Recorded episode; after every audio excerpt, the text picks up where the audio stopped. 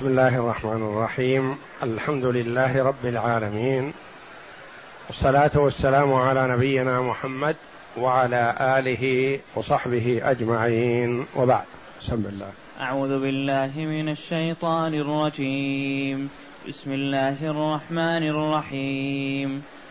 واللاتي يأتين الفاحشة من نسائكم فاستشهدوا عليهن أربعة منكم فإن شهدوا فأمسكوهن في البيوت حتى يتوفاهن الموت أو يجعل الله لهن سبيلا واللذان يأتيانها منكم فآذوهما فإن تابا وأصلحا فأعرضوا عنهما إن الله كان توابا رحيما. هاتان الآيتان الكريمتان من سورة النساء جاءتا بعد قوله جل وعلا ومن يعص الله ورسوله ويتعد حدوده يدخله نارا خالدا فيها وله عذاب مهين.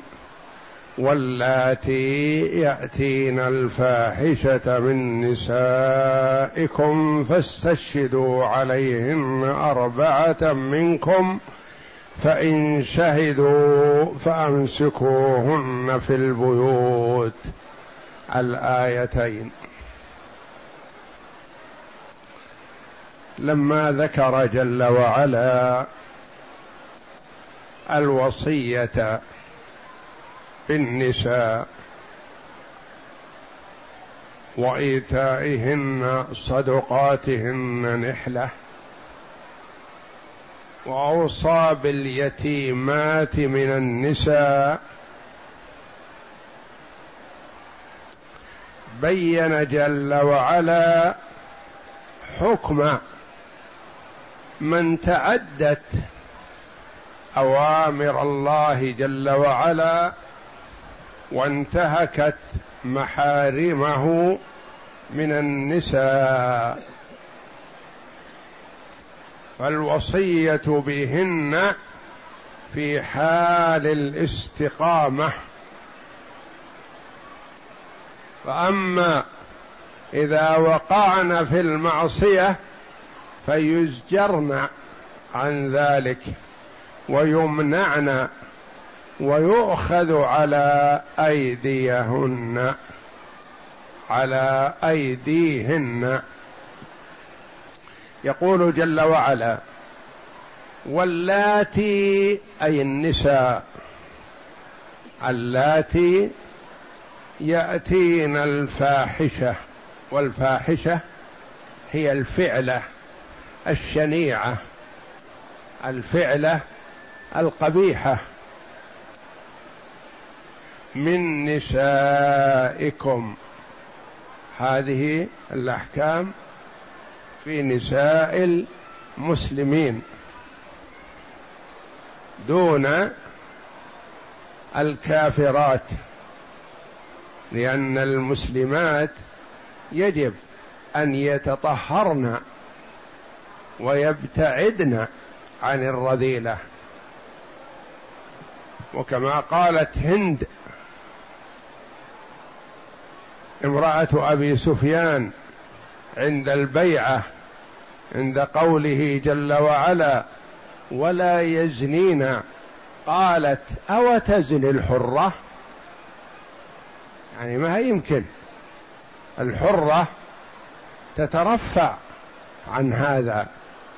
فاستشهدوا عليهن أربعة منكم خذوا الشهادة.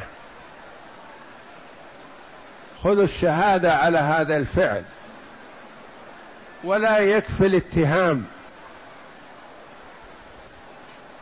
أو شيء غير محقق. لأن أعراض الرجال وأعراض النساء مصونه محفوظة في الإسلام. فلا يجوز أن يلصق بالمرء شيء غير محقق. فلو شهد واحد على الزنا ولم يكمل النصاب أقيم عليه حد القذف ثمانون جلدة. شهد اثنان على الزنا يقام على كل واحد منهما حد القذف. شهد ثلاثة. يقام على كل واحد من الثلاثة حد القذف. شهد أربعة ينظر. أهم عدول. أهم ثقات. أم لا؟ قالوا ثقات. هل هو رؤية بالعين محققة؟ رؤيا الذكر في الفرج كما يرى الميل في المكحله والرشا في البئر. فنعم وأما إذا كان مجرد اجتماع في فراش أو في لحاف أو نحو ذلك فهذا ما يعتبر زنا فالإسلام يصون أعراض الرجال والنساء من الانتهاك إلا بشيء محقق. فاستشهدوا عليهن أربعة منكم فإن شهدوا كرر جل وعلا. فإن شهدوا شهادة يقينية محققة مؤكدة. رأوا رؤية عين. لا مجال للشك فيها. فعقابهن فأمسكوهن في البيوت. احبسوهن. لا تخرج. لأن هذه الفعلة الشنيعة وقعت منها بسبب الغالب أنها بسبب الخروج والالتقاء بالرجال. ففعلت ما فعلت. لكن احبسوها. لا تخرج. إلى متى يا ربي؟ قال حتى يتوفاهن الموت. تحرم من الزواج وتحرم من الخروج. تحبس ولا تخرج. كل هذا ما يحصل إلا بعد التأكد من أنه حصل منها ما حصل. غي هذا الحبس بأمرين. بأحد أمرين. الموت والراحة منها. أو أن يجعل الله لها سبيلا. فهذا الحبس مغيى بالموت أو أن يجعل الله لهن سبيلا طريق. يجعل الله لهن طريق يخرجن منه. ما هو هذا الطريق؟ بانتظاره. إلى الآن لا يدرى. بعض العلماء رحمهم الله يقول هذه الآية منسوخة. بآية سورة النور. الزانية والزاني فاجلدوا كل واحد منهما مئة جلدة إلى آخر الآية. بعض العلماء رحمهم الله يقول لا هذه الآية ليست منسوخة ولا نسخ وإنما هذه الآية جاء فيها التحديد إلى غاية الحبس إلى الموت أو أن يجعل الله لهن سبيلا وقد جعل الله لهن سبيلا. ما صار نسخ. ما نسخ هذا الحكم لأن هذا الحكم مغيى بوقت. أو يجعل الله لهن سبيلا. ثم قال جل وعلا واللذان يأتيانها منكم فآذوهما. الأول في النساء خاصة. واللاتي يأتين الفاحشة من نسائكم. فأشهدوا عليهن أربعة منكم. الآية الثانية. واللذان يأتيانها منكم يأتيانها ما هي؟ الفاحشة لأنها تقدم ذكرها. واللذان اللذان الرجل والمرأة لأن الزنا ما يحصل إلا من اثنين. ما يحصل الزنا من امرأة فقط ولا من رجل فقط وإنما يحصل من اثنين. واللذان الرجل والمرأة اللذان يأتيانها أي الفاحشة منكم لأن هذه الأحكام خاصة بالمسلمين. فآذوهما. هذه عقوبة. فآذوهما. الأذى ما هو؟ قيل التوبيخ والتعيير والتبكيت واللوم.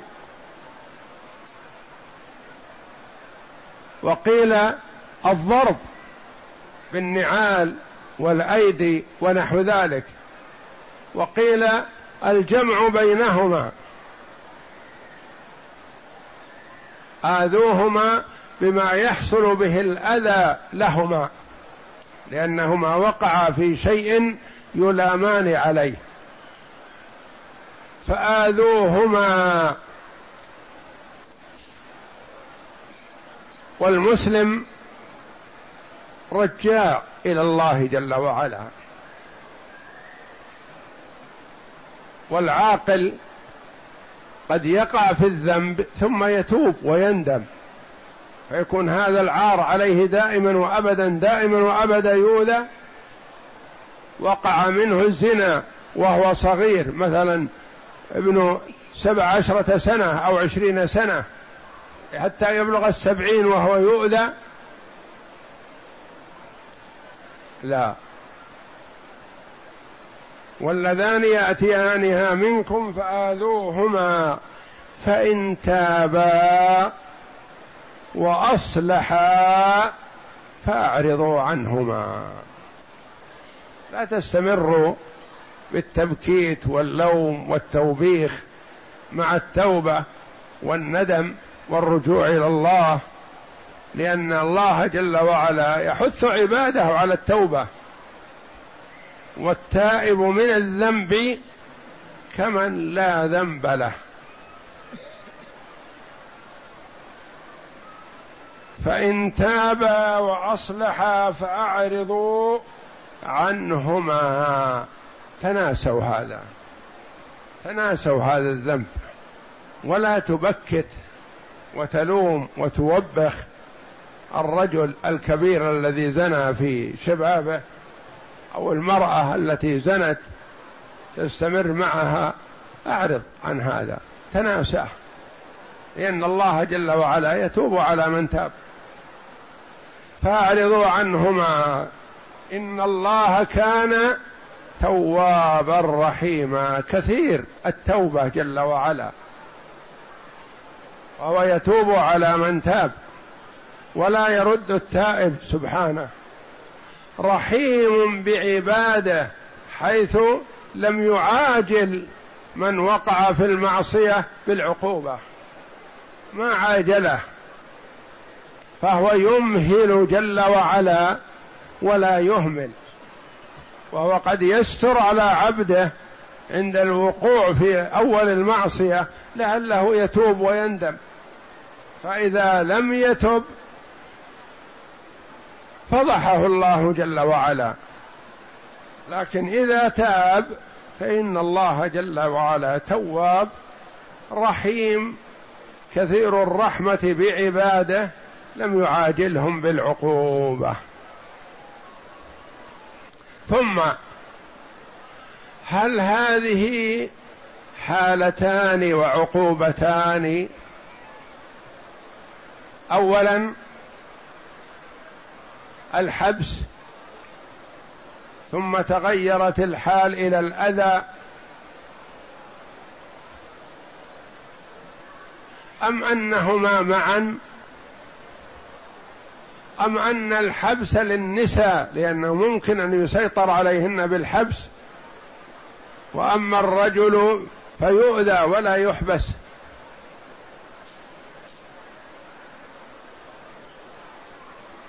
أقوال للعلماء رحمهم الله. هل هي اجتمعت في صدر الإسلام أو أنها الأولى ثم الثانية أو الثانية ثم الأولى؟ الله أعلم بذلك.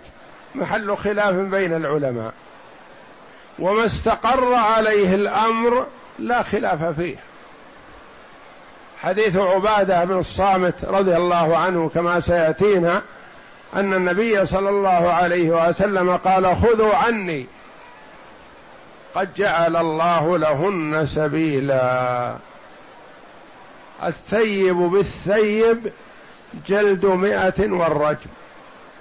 والبكر بالبكر جلد مئة وتغريب عام. وعلى هذا استقر الأمر. والثيب بالثيب ثبت في آية منسوخ لفظها ولم ينسخ حكمها. الشيخ والشيخة إذا زنيا فارجموهما البتة. كانت قرآن. ثم نسخت. والبكر بالبكر موجودة الآية في سورة النور. الزانية والزاني فاجلدوا كل واحد منهما مائة جلدة. والتغريب ثبت في سنة رسول الله صلى الله عليه وسلم. فلذا كما قال ابن جرير رحمه الله رحمه الله الخلاف في هل الأذى قبل الحبس أم أنه بعد الحبس أو أنه مع الحبس أو كذا يقول خلاف لا طائل تحته. لأنه ليس مستقرا حتى يبحث فيه وإنما انتهى. الأذى قبل الحبس أو بعد الحبس أو مع الحبس كل هذا انتهى لأن هذه الأمور مغيات بغاية حصلت. جعل اللهن لهن سبيلا كما قال عليه الصلاة والسلام وكما في حديث عبادة بن الصامت رضي الله عنه أن النبي صلى الله عليه وسلم أوحي إليه فلما سري عنه قال خذوا عني. قد جعل الله لهن سبيلا. وجاء عنه صلى الله عليه وسلم بألفاظ متعددة في رواية حديث عبادة بن الصامت. وجاء في حديث عبادة مع الرجم جلد مئة. الثيب بالثيب جلد مئة والرجم بالحجارة. سنة رسول الله صلى الله عليه وسلم وفعله استقر على الرجم للثيب فقط بدون جلد. وأما البكر بالبكر فجلد مئة وتغريب عام. التغريب رأى كثير من العلماء رحمهم الله أنه قد ما يؤدي الغرض بالنسبة لاختلاط الناس واجتماعهم وخفاء بعض الأحوال فرأوا أن الحبس يحبس فترة أنه أولى من تركه في المجتمع لأنه كان المجتمع صغير وكان المغرب معروف هذا مغرب ما حد يألفه ولا حد يطمئن إليه. لكن اليوم التغريب قد يغرب مثلا ويختلط بالناس ثم ينشر جريمته التي تعودها وأخذ بها. فالحبس فيه إبعاد عن الناس وهو بمثابة التغريب في أنه كف لشره عن الناس. وأما الجلد مئة مع مع الرجم فقد ثبت في السنة عدم ورد في اللفظ جلد مئة والرجم بالحجارة وتطبيق وما طبقه النبي صلى الله عليه وسلم بالنسبة لمن ثبت عليه الزنا وهو ثيب كان الرجم بالحجارة حتى الموت. وكان هذا أول ما حصل أنه زنى رجل وامرأة من اليهود في المدينة. فقال بعضهم لبعض ارفعوا الأمر لمحمد. محمد فيما بينهم يقولون ولا هم ما يعترفون بنبوته نبي الرحمة.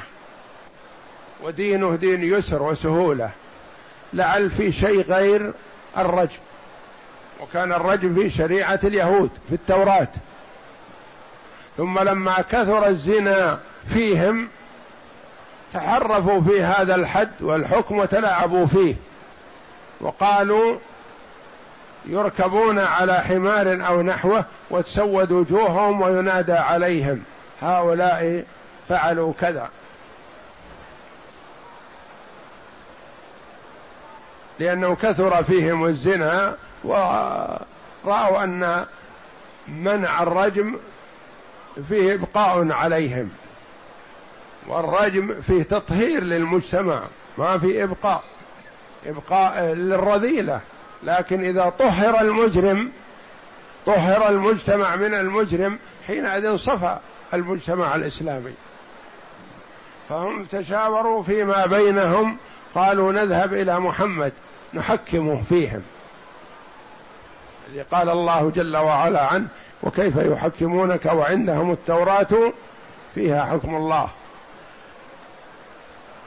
جاءوا إلى النبي صلى الله عليه وسلم فقالوا يا أبا القاسم نريد أن تحكم في هذين رجل وامرأة زنيا.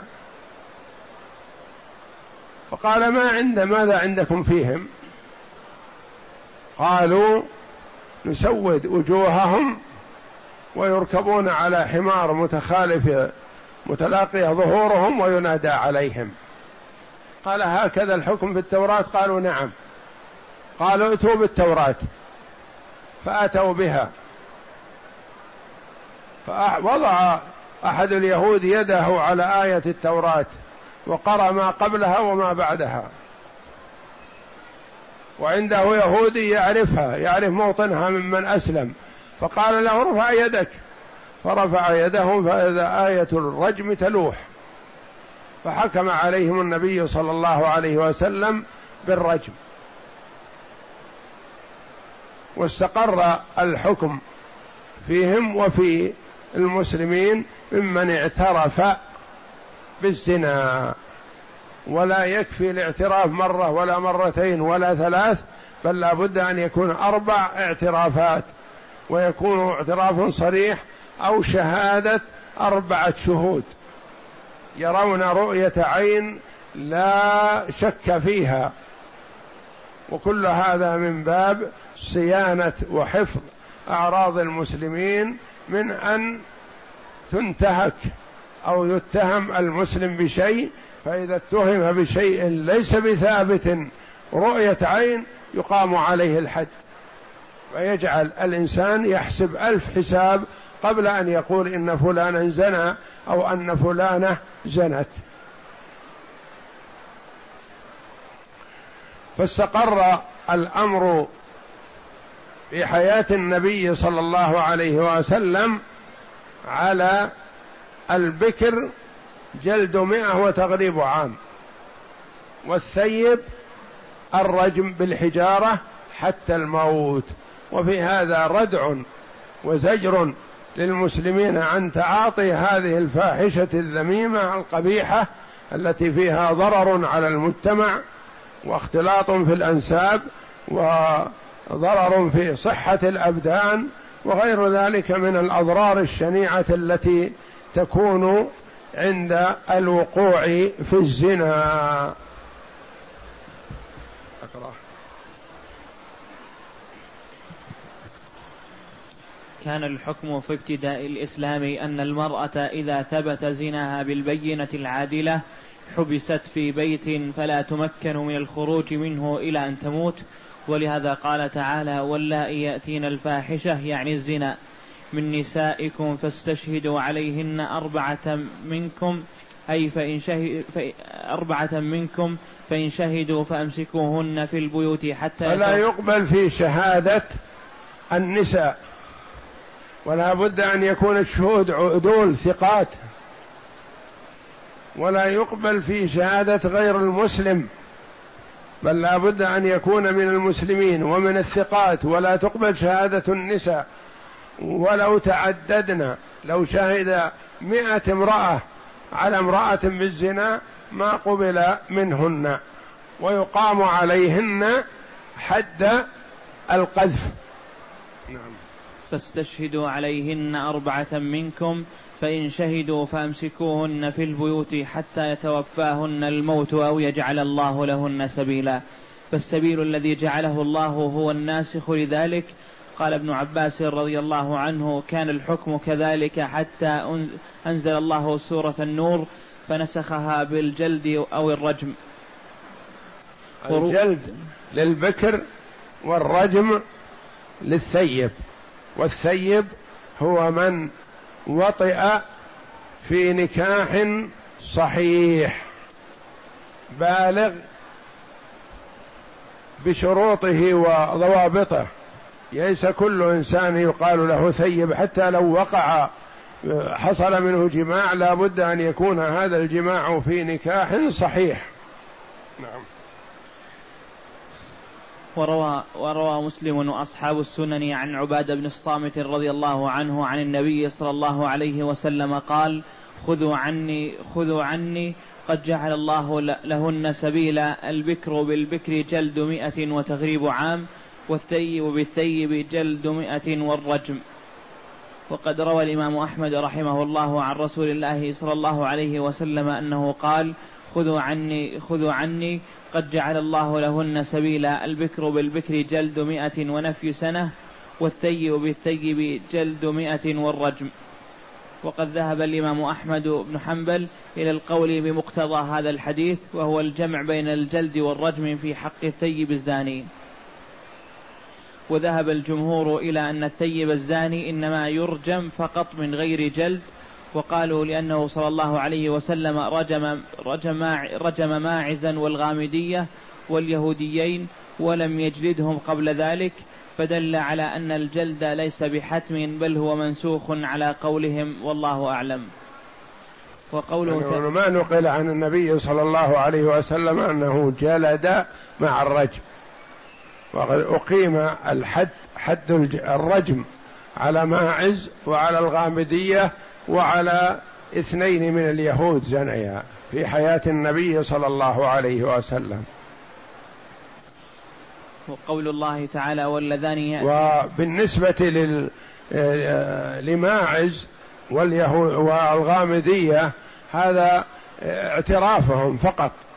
ما وجد بشهادة شهود لأنه شبه بعيد كل البعد أن يوجد يثبت الزنا بالشهادة لأن الشهادة ما يكفي فيها واحد ولا اثنين ولا ثلاثة لابد أربعة. وهؤلاء الأربعة يرون ذكر الرجل في فرج المرأة كما يرى الميل في المكحلة وهذا شبه صعب وبعيد كل البعد وكل هذا لحماية أعراض المسلمين. حتى المرأة ما يتساهل في رمي الرجل بالزنا أو المرأة بالزنا. ولم يقبل فيه إلا أربعة. ما يصح ولا تقبل فيه شهادة النساء. وقول الله تعالى واللذان يأتيانها منكم فآذوهما. أي واللذان يفعلان الفاحشة فآذوهما. قال ابن عباس رضي الله عنه أي بالشتم والتعيير والضرب بالنعال وكان الحكم كذلك حتى نسخه الله بالجلد أو الرجم. وقال مجاهد رحمه الله نزلت في الرجلين إذا فعل. وقد روى أهل السنن عن ابن عباس مرفوعا قال قال رسول الله صلى الله عليه وسلم قال رسول الله صلى الله عليه وسلم من رأيتموه يعمل عمل قوم لوط فاقتلوا الفاعل, فاقتلوا الفاعل والمفعول به, والمفعول به. وقوله تعالى فإن تابا وأصلحا أي أقلع ونزع عما كان عليه وصلح وصلحت أعمالهما وحسنت فأعرضوا عنهما أي لا تعنفوهما بكلام قبيح بعد ذلك لأن التائب من الذنب كمن لا ذنب له. إن الله كان توابا رحيما. وقد ثبت في الصحيحين إذا زنت أمة أحدكم فليجلدها الحد ولا يثرب عليها أي لا يعيرها بما صنعت بعد الحد الذي هو كفارة لما صنعت. والله أعلم وصلى الله وسلم وبارك على عبد ورسول نبينا محمد وعلى آله وصحبه أجمعين.